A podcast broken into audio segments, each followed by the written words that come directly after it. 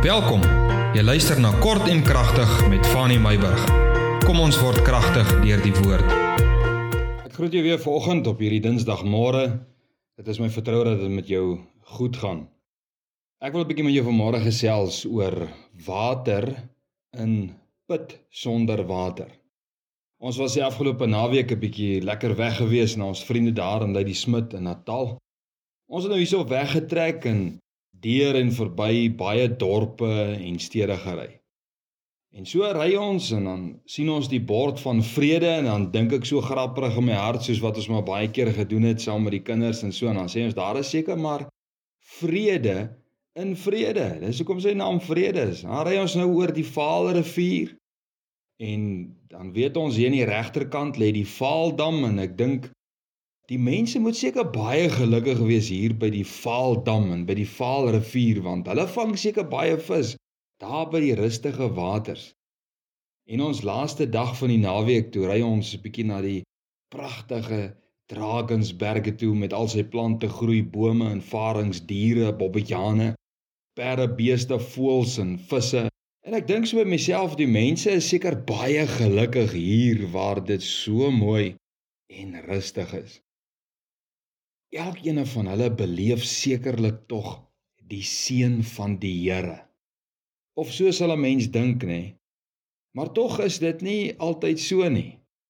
Want ons as mens beleef nie altyd die seën van die Here volgens die geografiese areas waar ons bly nie. Is dit nie so nie? Daar is soveel dinge wat met ons gebeur in ons geografiese areas wat ons laat voel die seën van die Here is definitief nie hier want ek het hierdie en daardie tipe belewenis in my geografiese area. En ek dink uh soos die Heilige Gees met my praat op ons terugtog. Hoekom is daar nie vrede in vrede nie? Alraai, julle wat nou van vrede is, nê, of julle wat nou vrede ken, ek sê nie daar's nou nie vrede nie, maar hoor dit die gedagte. Hoekom is daar dalk nie vrede in vrede nie? Maar daar is water in put sonder water. Hoekom slaap mense baie lekker in steelpoort, maar hulle slaap nie lekker by lekker slaap nie? Hoekom was daar seën in Babylon, maar onvrede in Jerusalem? En ek vra so hier in my hart, waar sal ons dan die seën van die Here vind? En so bring Heilige Gees herinnering in my hart te skrif waar Dawid sê dat daar tog 'n plek is waar die Here sy seën gebied. Wil jy weet waar is dit? Lees 'n bietjie saam met my Psalm 133. Dis 'n baie lang Psalm, hy het 'n allemintige 3 verse. Psalm 133 vers 1 tot 3. Kyk hoe goed en hoe lieflik is dit dat broers ook saam woon en susters, nê? Dit is soos die kosbare olie op die hoof wat afloop op die baard, die baard van Aaron wat nou verwys na die hoëpriester wat afloop op die soem van sy klere. Dan sê hy dit is soos die dou van Hermon wat neerdal op die berge van Sion. Want daar gebied die Here die seën, die lewe tot in ewigheid. Dawid sê ek ken 'n plek waar die seën van die Here is. Die plek van seën word genoem eenheid van geestelike broers en susters.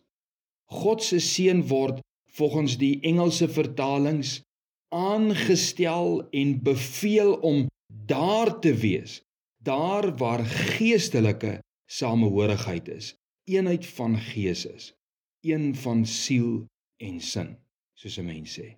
Ek wil vir jou vandag sê en miskien hak dit dalk aan aan gister se boodskap. Maak dit jou sending om oneenigheid onder jou medebroers en susters uit te wis. Of dit nou in jou huis, jou kerk, selgroep werk is, maak nie saak waar nie.